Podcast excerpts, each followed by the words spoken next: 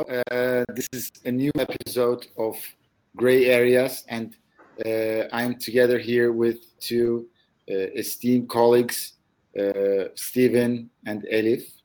Uh, hello, guys. How are you? I'm doing all right, Brock. How about you guys? Hi, happy to be here. How are you? Good. Uh, thank you for being here. this is a podcast series that is focused on privacy, data, data protection, uh, not only for Turkey, but also in a global scale. We talk about things, new uh, updated events, and everything that is going to be regarded as a gray area because. Uh, Stephen, you are new at this, You're new at this podcast. Uh, we call this as gray areas because uh, the things uh, that concern privacy are pretty much lie in not not in black or white, but uh, mostly in the gray zone in between. So we try to talk about it. We try to find ways that can uh, enlighten things. So welcome here. Can you just uh, tell us about yourself? Yeah, of course. Well, yeah, thanks for um, having me, Brock. I appreciate the opportunity to speak with uh, to speak with both of you. Uh, my name is Stephen Reagan, and I am the principal privacy consultant and subject matter expert on privacy and data protection at Wrangu. Uh, I have a legal background. Before coming to Europe, I was a lawyer in America, and I think my whole like uh, experience kind of is demonstrative of uh, what's going on in the privacy privacy mm-hmm. sphere. Right, Europe is kind of pushing the whole world forward uh, and, yeah. and pulling America on, along with it. So I came to to Europe to learn about the privacy laws here, and you know maybe go back someday and and have a, a nice contribution to make. Yeah, but you, I think you got to do it because uh, U.S. is uh, going from a different angle in terms of privacy, right? That's absolutely now, right. Not also some uh, state-wise laws, regulations are team uh, like following, but maybe someday there will be a federal law. What do you think? Hey, maybe someday. We'll keep our fingers crossed. Fingers crossed. Fingers crossed. It'll also, make it easier for all of us. Yeah.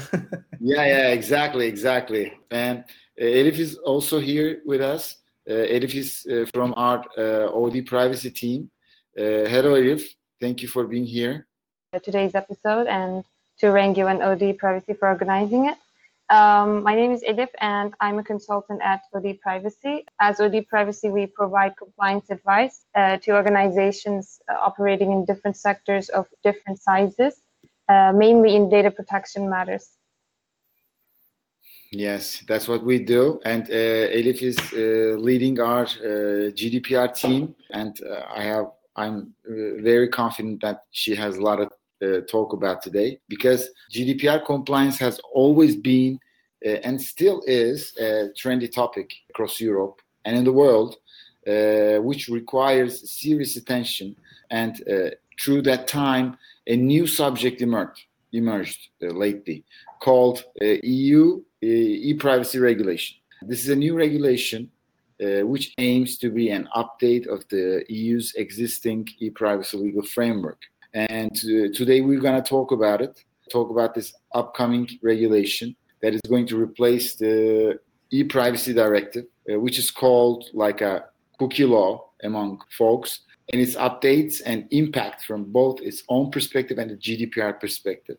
Uh, so, Elif, uh, can you just tell us about the historical background of this new uh, regulation or the directive, uh, as we call it now? All right. Well, basically, um, as you said, this uh, new e-privacy regulation is set to uh, repeal and replace the old uh, e-privacy directive. Well, as is the case with all personal data uh, data protection laws in the EU, uh, this regulation also has its uh, foundations in the Charter of Fundament Fundamental Rights of the European Union. This new regulation, it, it will have a full name that is actually really long. That's why we just call it e-privacy regulation. Uh, it's yeah. actually called uh, Regulation of the European Parliament and the Council concerning the respect for private life and uh, protection of personal data in electronic communications. Oh, um, oh God! Oh God! That's and, privacy is uh, such a good uh, short uh, word for that. It's, it's also called Regulation on Privacy and Electronic Communications. At least it gives away what it's regulating, so that's good. basically, uh, this is uh, a really important uh, piece of legislation, in my opinion, because it's going to be, it will be complementing GDPR and it will be making some points a lot more clear than GDPR. So uh, we're looking forward to seeing, well, the final text. We don't exactly have the final text yet, but let's say we, we have something close to it. Okay, so uh, so we can say that this is not a new thing after all, because actually it was planned to be enforced simultaneously with the GDPR, but it didn't happen. So e-privacy directive was uh, enforced in 2002 and revised in 2009. And Elif, uh, what it, what this uh, regulation means for the European Union? Uh, this regulation is actually uh, uh, part of European Union's digital single market strategy, uh, which quote unquote has an objective to increase trust and the security of digital services in the Union. Basically, this is part of a big plan in the European Union, and obviously this isn't the only piece of legislation, but I think this is one of the more anticipated pieces of legislation in this field. Yeah. Stephen, do you like uh, anything to add to this? So yeah, Elif, I had a I had a question for you actually related to the complementary nature of the e-privacy regulation with the GDPR. Um, the e-privacy regulation will be lex specialis, right? What does that mean? Uh, basically, it means that uh, it has it it actually regulates uh, more in detail what GDPR aims to uh, do with with its own text, but it because it will be clear in uh, exactly how to do things. Um, at the end of the day, it will not be replacing GDPR, but it will be basically a more specialized law in uh, comparison to GDPR. And uh, where uh, we see these two pieces of the legislation overlap, uh, the e-privacy privacy regulation will be applied primarily. Okay, very great. Um, there's those confusing Latin words. I never know what they mean. um, so can you give like a little bit of a, um, maybe some background on the e-privacy directive and how it might be a little different from the, the regulation?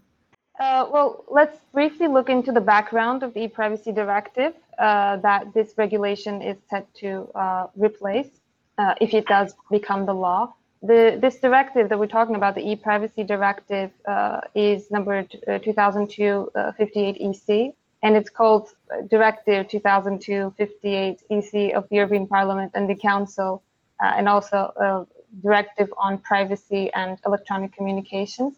Uh, it's also called e-privacy directive, obviously. It's a, a, continuation of the data protection directive, actually, uh, Directive 9546 EC and the Data Protection Directive was enact- enacted back in 1995. Uh, so you see, it's a progression of the laws, but they're not. They're actually a continuation of each other. They're not completely changing uh, what we do. If they're not changing the outlook uh, with legislation, uh, every t- I think we're adding rather than completely changing what we're doing. Well, of course, this data protection directive that I just uh, talked about, 1995 one, it was repealed and replaced in April 9, uh, 2016 uh, by the GDPR, and GDPR came into uh, force in May 2018. And uh, we all know about GDPR, General Data Protection Regulation. Everybody's heard about it. And um, just as the GDPR uh, sought to modernize and provide for the unification of laws around the European Union, regarding personal data protection, this proposed e-privacy regulation also aims to bring the uh, rules set by the e-privacy directive up to date and make them applicable uniformly throughout the union.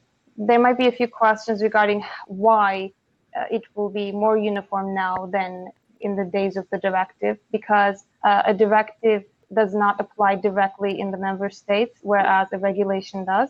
And the e-privacy directive was actually enacted at the beginning of the 2000s, uh, the one that this regulation is going to replace.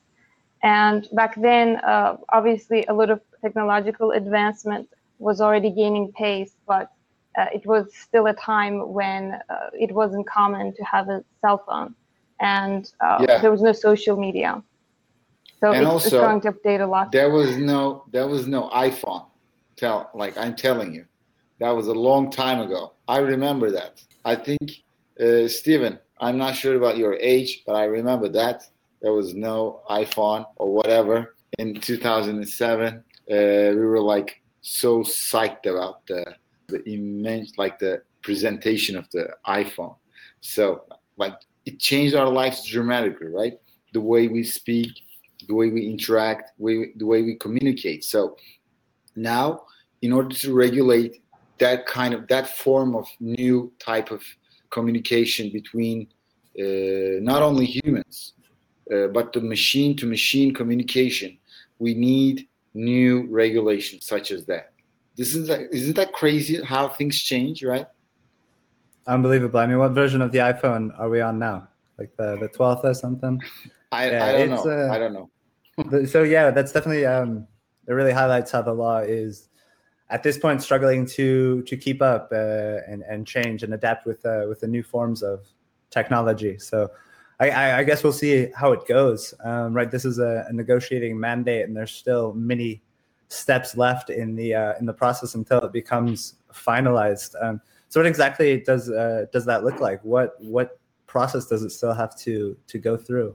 Uh, well, this draft that we're talking about, which is uh, the one that we're so excited about, is uh, well a finally adopted text uh, by the representatives, permanent representatives committee of the council.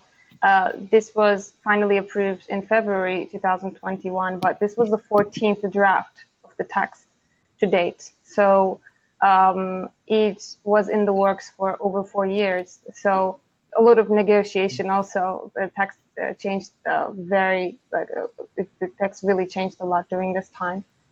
And um, well, it's still not it, this is not the end of the procedure, obviously, and it is now up to the presidency and the European uh, Parliament to shape the final text and approve, of course, uh, enact it as as, a, as the law. That's right. I think something else to keep in mind is that the European Parliament has uh, elections in May, which will uh, delay the negotiating process. So, I mean, what, yeah. what are we thinking? Like three years or something like that before it comes into enforcement? Yeah, even Either if it was accepted be, today, it, it will be a while before it comes into force but it's still really important for organizations to keep in mind as they as they prepare prepare for these uh, these these changes that the, the regulation will will impose. Definitely, if if they are trying to become GDPR compliant, uh, they will they can't just look at GDPR and they have to see the upcoming reg- legislation that also going to be accompanying it. Uh, otherwise, they will have to go through the same procedure more than once, and it will be more costly. It will uh, it, it, will not be nice if, if you just completely ignore a piece of legislation that is going to be enforced in a few years. Yeah, I think uh, they have to um, yeah already analyze it and get to work. There are those hefty uh, enforcement provisions as well. Another crossover that we have from the uh, the GDPR, along with the supervisory authorities um, being the ones enforcing it, the fines are, are still are going to be the same as uh, GDPR. So 20 million euros or 4% of global turnover, whichever is higher, those those can certainly grab headlines as we've uh, as we've seen in the recent so past. I think the I think the online marketers at this uh, at this phase should like think about the checks and balances and the pros and cons of doing the direct marketing, right? Like because it's going to be a hefty fine if they don't just comply. And what is the, what is their take out of this online marketing activities. They got to really think of that. They have yeah. to figure it out. Yeah, so there are some subtle differences between the, the directive and the regulation when it comes to to that direct marketing. Um, and I think one mm-hmm. of the mm-hmm. big uh, one of the big crossover crossovers again from GDPR is this consent requirement and the consent uh, definition that's that's taken from the GDPR and will then be applied in this one in well a number of contexts. But Barak, as you've mentioned, in this direct in this direct marketing uh, area. And so, yeah, in order to send unsolicited messages, you know, you have to get get consent, and that's kind of a, a, high barrier for for organizations, I think, to to deal with and and address. Yeah. yeah. But there is a lot of uh, financial benefits too, I guess, to to doing this properly. Uh, and ad tech is not definitely not going to stop to doing what they're what they're doing. That market is is really big and only and only growing. Yeah. When we are uh, trying to establish compliance uh, with data protection laws, this will not be any different. We often have to change how a business operates, and they don't like it. Obviously, it's not it's not just the monetary uh, investment that they have to make, but also they have to figure out a new way of doing what they're doing, reaching their goals, especially if this is a sales goal, etc. Uh, so it will be nice seeing this one also going into the compliance programs and seeing how the you know, teams will be well basically integrating it into their day-to-day business activities. Yeah, I think it's almost about reframing it for those those uh, decision makers within organizations and biz- businesses that it's not just a, a compliance checkbox that you have to you know make a make a market. It's really something that you can use even to to build your brand and to build trust with your employees and and customers uh, alike.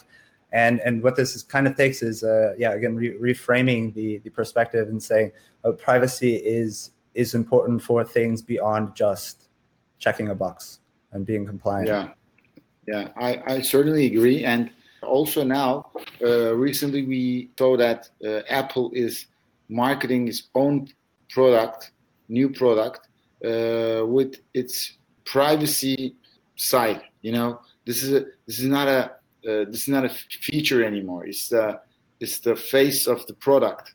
So they say we cover your privacy. We we care about your privacy, which uh, sometimes goes beyond the features of the product itself. It's like a soul, right? Yeah. So uh, privacy is not a is not a checkbox like you mentioned. Uh, it's a it's a new way of ma- marketing. Yeah, in some uh, in some ways, Apple is definitely uh, leading the way. But you see, even how the the narrative is is shifting for for like Facebook. Uh, like I'm listening to yeah. a podcast and I'm getting uh, getting advertisements from Facebook saying, "Oh, well, here in America, we want a, a privacy legislation. Privacy is important to us." Whereas, I don't know. I think ten years ago, Mark Zuckerberg was like, "Privacy is dead." So we've definitely seen how this has uh, has come back around, yeah. right?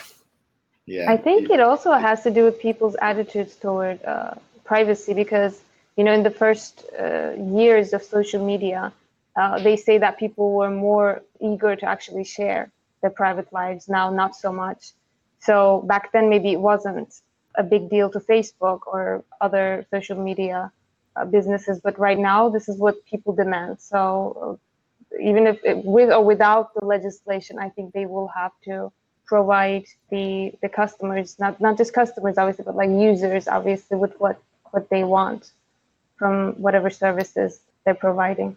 So I just want to uh, get back to the topic about uh, the regulation because mm-hmm. yeah, that's really a good conversation. But in the end, we are discussing the regulation, the new e-privacy regulation. Uh, now uh, there are some differences between the directive and the regulation, and Stephen Stephen was talking about that. I I just want to just like a uh, like get back quick to that, uh, and Stephen I think I I'm sure that you have uh, some uh, additions to that.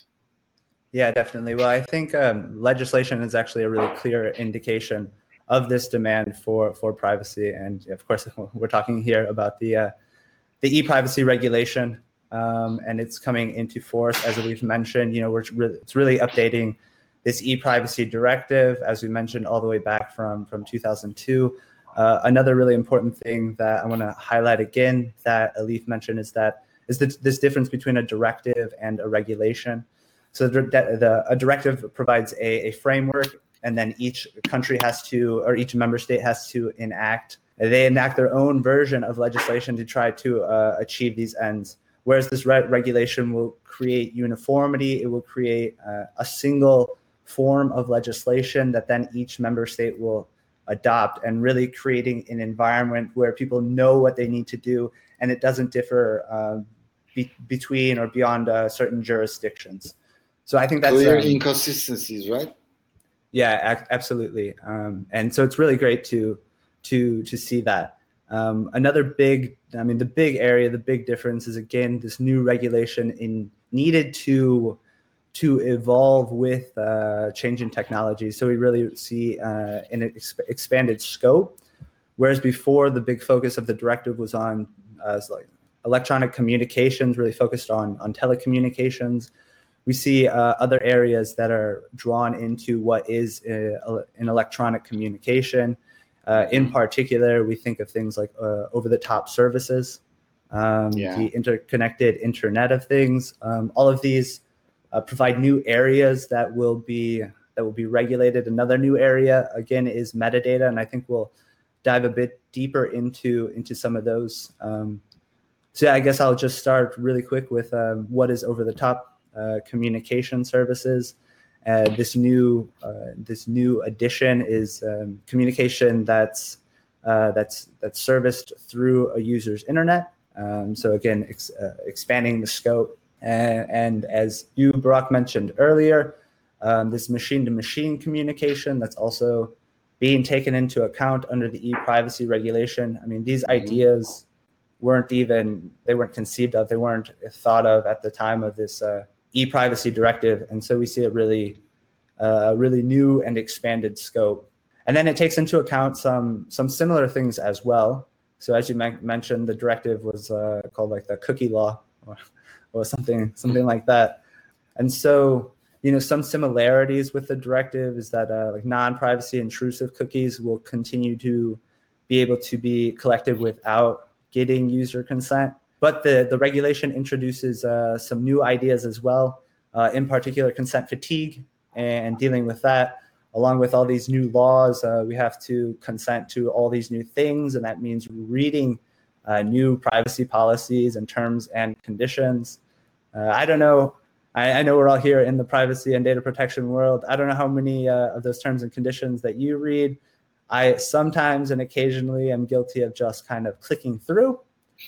Uh, so we want to avoid that, right? So the the regulation yeah. actually actually thinks about the this and uh, introduces this idea of whitelists where you can consent to you know certain service providers to collect certain certain cookies and you don't have to do this on a recurring basis so that's one you know one nice update uh, another similarity is with uh, with direct marketing uh, you, for instance if you have a recurring uh, business relationship you can market to them for uh, related products but as we mentioned earlier, if you want to do unsolicited direct marketing, you're going to have to get consent, uh, consenting yeah. that free and informed uh, definition from from the GDPR.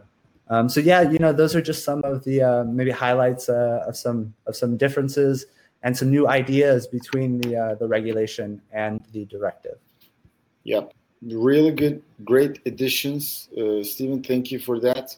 From my take, uh, from my point, uh, I can say that like the IoT and the OTT part of it that you mentioned is very very important because before that everybody was thinking the uh, communication is only between natural persons, natural, uh, but not the machine to machine. But now we can see that the our watches, our phones, uh, are uh, some devices uh, know a lot more about us than our parents do. So, and they always communicate with each other. So that's why this regulation now combines them all and uh, regulates them as a whole.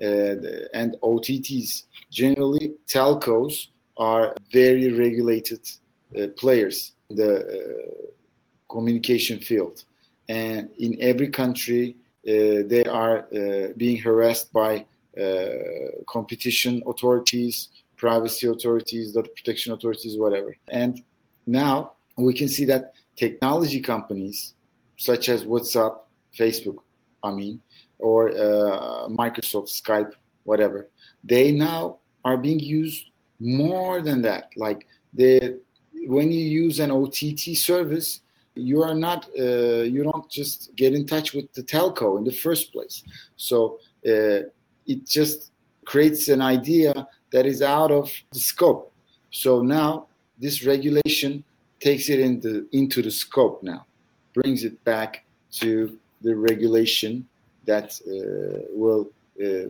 just defend the, the rights of individuals yeah, definitely. I don't even know if I do any communication anymore that's not over the internet, to be quite honest. So exactly, exactly. Uh, I think you mentioned uh, actually a really interesting point about how your watch, you know, might know more yeah. about you than your than your parents know or something like that. and um, that touches on a you know another really interesting area of this of this metadata. You know, this data about data.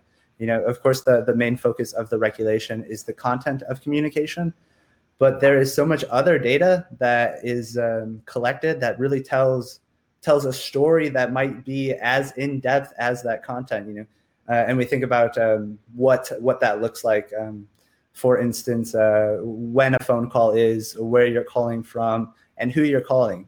Uh, these are all really three three unique characteristics that uh, mm-hmm. that that provide an example of of metadata uh, that is a new type of a new idea that's that's again coming within this uh, within the scope of the of the regulation. So it's definitely welcome to to see, uh, and I'm sure that they're missing things. We're we're missing things that um, you know. It's hard to pre- predict how the the technology will evolve and what direction it will be it will be going. I mean, I wonder what 20 years from now holds. And yeah. I guess for, for the current period, we're, we're happy about the e-privacy regulation, though. Yeah. Yeah. Uh, it will bring uh, a new uh, excitement to the field. Yeah, I'm definitely Fresh optimistic air. about it. Yeah. Yeah, yeah, me too. Me too. Uh, I, I think that was an inf- infographic that you mentioned before. Uh, would you like to share that about, to our listeners as well? Uh, I think the idea is that when we post the this podcast, um, it will be it will be linked as well. Um, is that yeah. right? Yeah. Okay, yeah. Perfect.